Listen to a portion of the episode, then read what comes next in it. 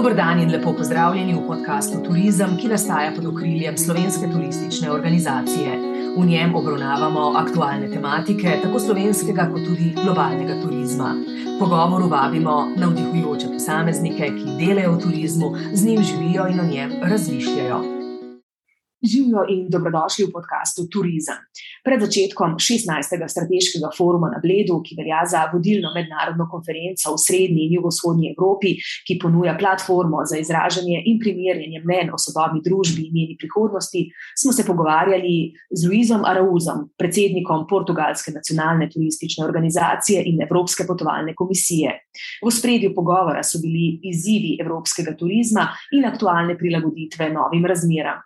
Luis je bil še pred začetkom intervjuja na portugalskem, med pogovorom ni skrival navdušenja, da se obiska Slovenije zelo veseli. Welcome to the podcast. Luis Araújo, first, congratulations on the presidency of the Portuguese National Tourist Organization and the European Travel Commission. You're probably spending challenging times for you as a leader, right? Well, first of all, thank you, Mariana. Wonderful to be here, and and and thank you to the Slovenian uh, Office of Tourism. Um, I, I, think we're all living challenging times in terms of tourism, but yes, uh, I have a, a small part of that also. The tourism industry is facing the challenge of the greatest change and transformation in the in its entire history, actually on which Portugal NTO's development breakthroughs in recent years you are most proud of? Well, uh, I think there has been a big evolution in terms of Portugal over the past years. It has a lot to do with connectivity, and we've increased the, the connectivity of our country, especially with long haul destinations, with Asia, with the Middle East, with the United States and Canada, and of course with South America. Um, it has to do a lot with the promotion and visibility uh, with the consumers, and uh, we're focusing pretty much on digital promotion right now. I would say that 90% of our budget is very focused on digital promotion. Um, and third, uh, I think it has to do, uh, and one of the biggest uh, achievements has been developing the product in the entire country, not just focusing on the more touristic destinations, uh, but developing it uh, uh, in the entire country and seeing it as a whole. Um, a country that you can visit 365 days a year um, and through our entire territory. So I would say this this has been quite an achievement, and and it, we've been successful. In 2019, we we hit a record of 27 million guests, um, and most important, we have increased our revenues in four years by 60%, 64% to be more precise. So, uh, this is the data that we had in 2019, uh, but very big challenges uh, uh ahead of us for sure. Luis uh, Araújo, what is your view on the recovery and resilience facility since the allocation of funds from RF for tourism is important to restart and rebuild the industry towards green and digital. Looking at the RRF of member states, the share of funds for tourism are relatively low and mostly focused on the accommodation industry. Your opinion?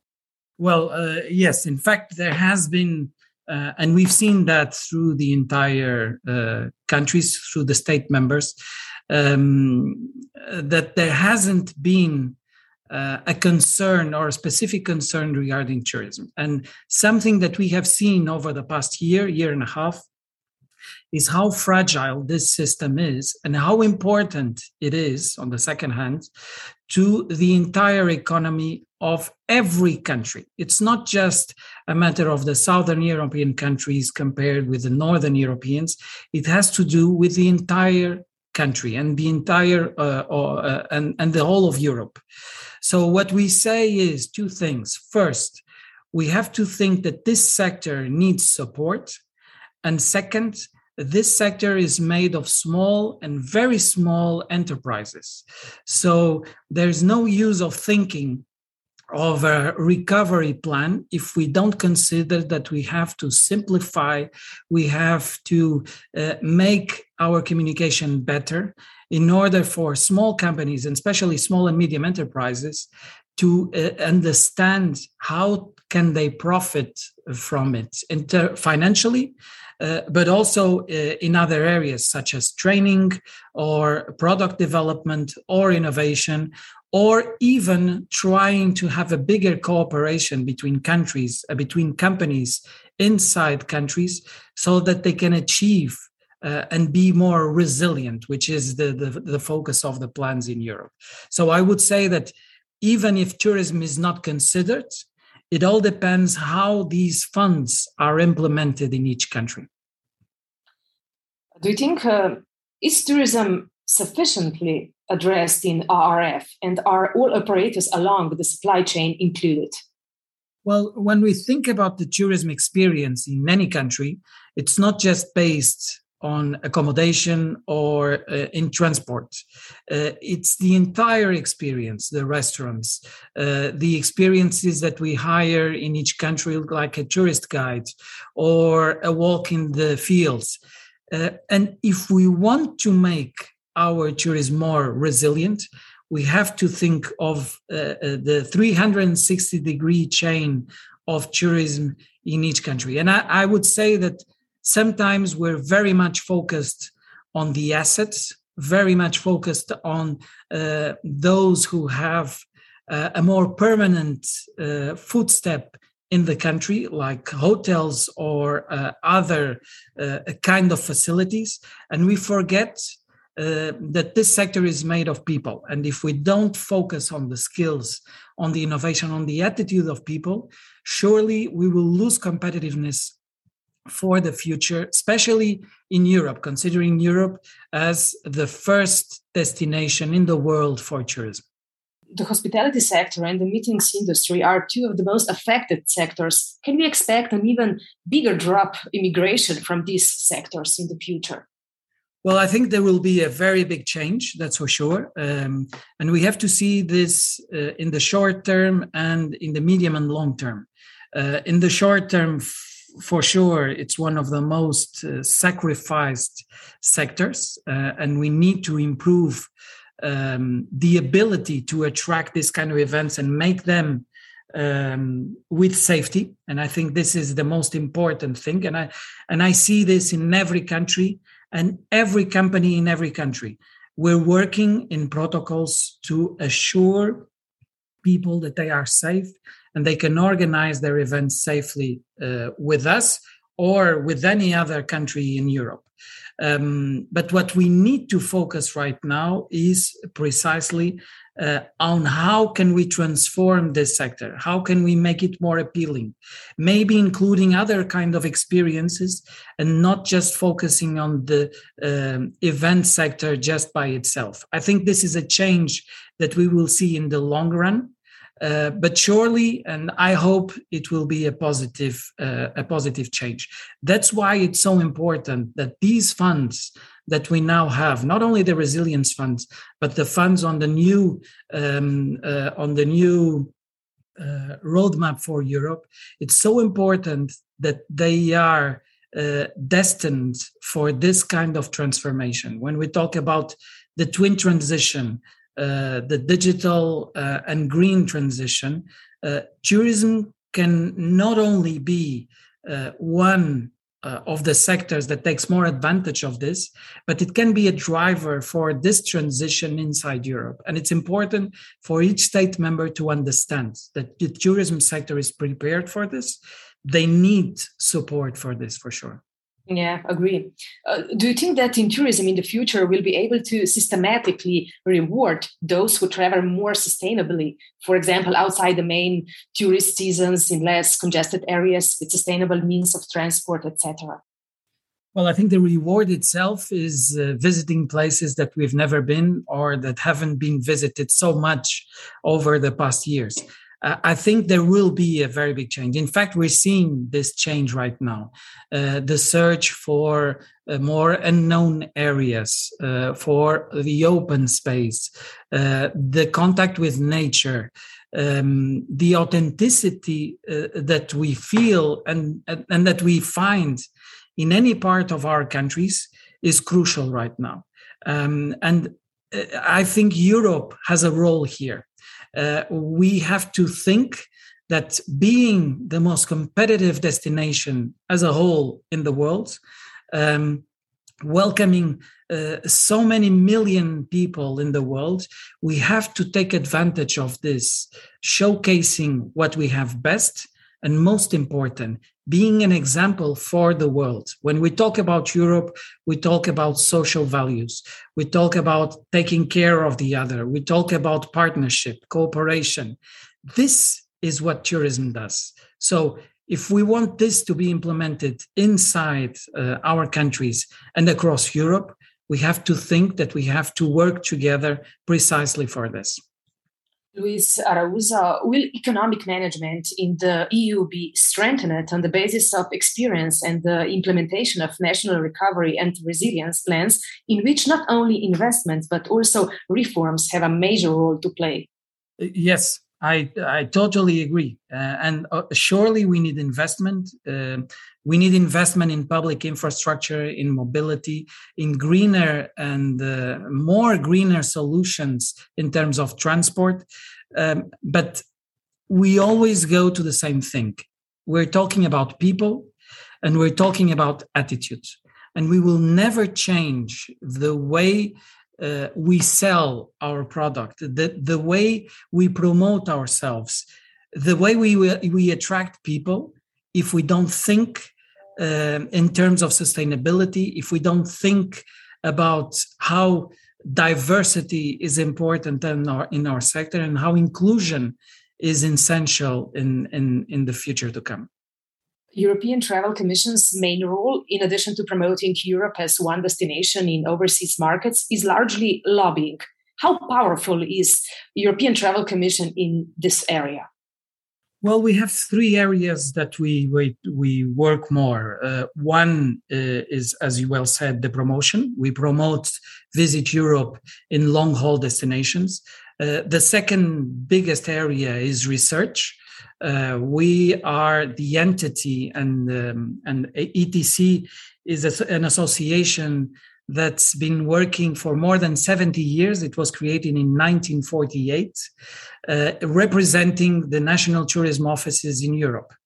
Um, uh, and the research area and the research part, especially in a time that we're talking so much about data and the importance of data for uh, the decision of the future.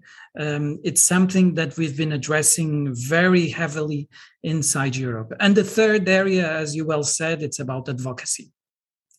Advocating for a more sustainable uh, destination uh, Europe, uh, advocating for the growth of tourism and the importance of tourism in any country, whether it's a, a, very big tourism destination or a not so big tourism destination.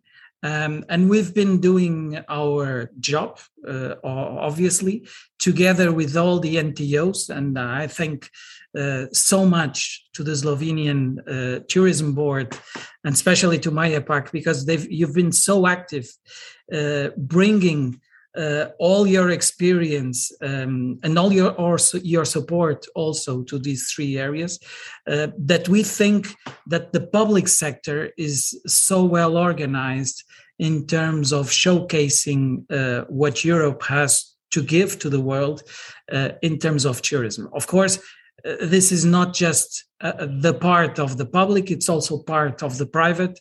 So the role of ETC is building the bridge between sectors, uh, between countries, um, uh, between continents. it's it's a role that it's much bigger than just the activity of ETC. It's a role that it's based also in the activity of each member and associate of ETC.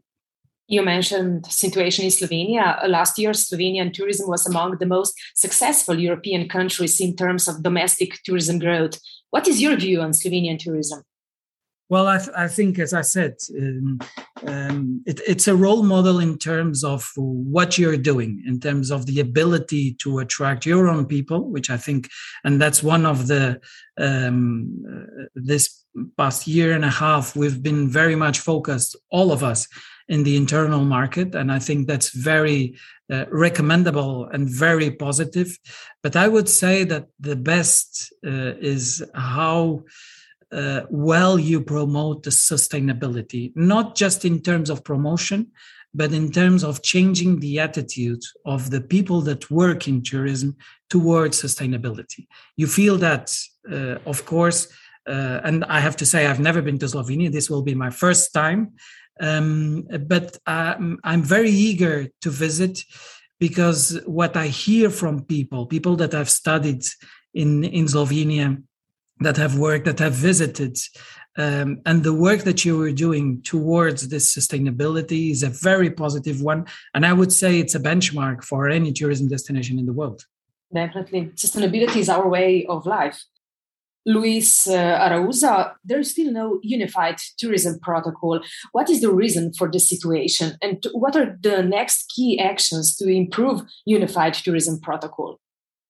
Well, uh, I, I, would say that what we need right now is building trust with the consumers, um, and especially with our stakeholders, with airline companies, with tour operators, travel agents, all around the world, not only um, in the, our internal market inside Europe, but especially with long haul destinations. Um, I would say that after a year and a half of this pandemic, and uh, considering uh, the recommendations that was that were taken by the ECDC last year, saying uh, that tourists were a very low risk population in terms of transmission of COVID. Um, I would say that what we need right now is trying to build a bridge between health and tourism. We have always said that this is a matter of space and time. Uh, space, uh, because we need mobility to work, um, and and health needs us to be still in one place to control the covid. Uh, and it's a matter of time. Each day that passes is a na- is a day that tourism loses. Yeah. it's a day that we lose in our activity. Um, and we need to build bridges uh, uh, over this.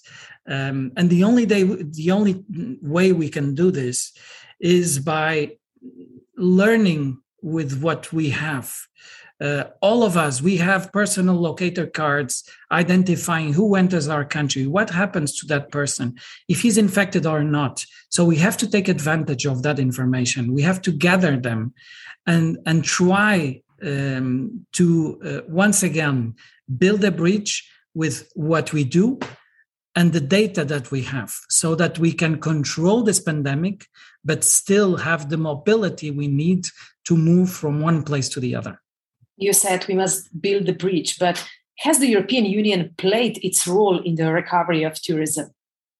Or did European Commission address tourism challenges appropriately during the COVID crisis? Well, I, I think we saw uh, very positive signs. And as you know, Portugal had uh, was previously to the Slovenian presidency. It was the Portuguese presidency.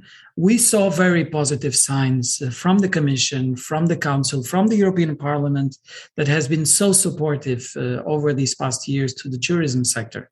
Um, the digital certificate, um, a specific platform uh, with information on funding to uh, the companies that was launched by the Commission. The decision to build and to uh, uh present until the end of the year an agenda 2030 2050 for the tourism sector in europe. Um, considering tourism as one of the 14th industrial sectors more important in europe uh, is something that is uh, that were very positive signs. Uh, what I do think that we still have to focus is on the way we communicate uh, and the way we approach this sector. And once again, the way we, we can build this bridge between mobility and control. Uh, we have always said we cannot keep taking decisions based on colored maps. Uh, we have to shift these decisions considering the risk of a person and not the risk of a country. Um, this is the only way we will uh, uh, recover uh, easily for the future because we're lacking uh, trust right now, especially with long haul destinations. Luis uh, Araújo, overseas markets are essential for European tourism, but these days the condition for the travel of tourists from the US and five other third countries to Europe will be stricter. How would you comment on that? Is that an appropriate approach by the governments? Well, it's, it's a recommendation um, from the Council of Europe that has to be implemented by each state member. Uh, once again, what we say is um, in this timing that we all have uh, the vaccination process in the field. Portugal has more than 70% of its population vaccinated. Slovenia has a high percentage of people vaccinated. Each country is controlling uh, how the spreading is done. Um, if we understand uh, the causes of this spreading, and uh, um, I'm talking about my country, but I'm sure every country is the same. Um, the combina- contamination starts in the families, uh, in the relatives, in the close sector. Then we should learn from this. We should take these data and learn how can we improve this mobility without putting in danger the economic sector, which is tourism. Um, I, I, think this is so valuable right now and so important that, that if we don't focus on this, we will surely take a longer period to recover and uh, we won't be as competitive as we were and as we want to be in the future uh, as a continent. You mentioned before the future of European tourism has to be green, but what specifically has to be done to make tourism more sustainable? And what will the ETC to do to make Europe a greener destination, a region that will set an example for everyone else? Change our attitude. We have to start looking uh, uh, at Europe, at our countries, thinking not what we can take from our tourists, but what can we give them back. Uh, and this is a change of attitude, a change of attitude for the countries, for the tourists, for our citizens, we're talking uh, of a destination with 450 million inhabitants that welcomes 710 million visitors. Um, we have not only the ability, but the responsibility to build a better planet. Um, and we can do that if we have a better tourism. Um, uh, uh, uh, of course, we need financial support to the small and medium enterprises and the big corporations to shift into uh, greener uh, ways of producing. We have to uh, uh, give training to our staff that is much more focused on their well being instead of how productive they are in our companies. We have to start promoting diversity in our activity. We cannot have uh, a sector that has more than 50% of people, uh, of women working uh, for our companies. And then you just have 20% of them in C level positions, and only 5% uh, are um, CEOs. This is not, we need to compromise uh, with goals collectively and individually. And the only way we do this is reaching agreement between public and private sector. We cannot do this from an NTO perspective or a state member perspective. This has to be a task and a decision taken by, by everyone collectively. Where do you see Slovenia in this green story? Well, um, I see Slovenia as a very important actor in this, uh, as a driver um, uh, showcasing what you've done, but taking uh, this flag of thinking not only as a country, but as a country that represents um, citizens that want the best for its country, but the best for Europe too. Um, and I, I, would say that we need drivers uh, for this change. We need actors for this change. And I see Slovenia as a very important driver and actor on this change for this uh, better tourism if we want to have a better planet and a better Europe. Yeah. How will Europe position and present itself in overseas markets in the future? Will you adapt to the promotional campaigns in these overseas markets and how? Well, we've we've we've changed a lot our uh, the way we communicate um, externally, um, and I, I, think our, la- our, last campaign is a very good example of that, showcasing um, not only uh, the big attractions in our countries, which we all have, but most important, our values, our culture, our authenticity, uh, how important it is for people to understand what they can learn with any European in any European country. Um, and I'm sure we will learn different things if we visit uh, Slovenia or if we visit Portugal. Um, uh, uh, and and this is what is important right now. Uh, in a chaotic world, uh, we need a message of responsibility and uh, of people being together. And I think the message of Europe, of the future campaigns of Europe, uh, and what we will do um, is precisely that of responsibility um, and, and, and showcasing um, a continent that welcomes everyone independently where they come from and, and shares with them their best values. So, at the end of the day, this chaotic world and also the crisis is an opportunity for tourism, isn't it? It is a wonderful opportunity. It is a wonderful opportunity. And it's sad to say, um, well, the human nature is like that. Uh, we need to reach some some point to understand how important it is um, to work collectively and and and to change to shift our paradigms of growth and this is uh, an important time and a wonderful opportunity to do that together Luis Araújo, the president of the Portuguese National Tourism Organization and the European Travel Commission. Thank you very much for this interview and we're welcome in Slovenia. Thank you so much, Mariana, and see you tomorrow. I will be there tomorrow. Thank you so much. Thank you very much.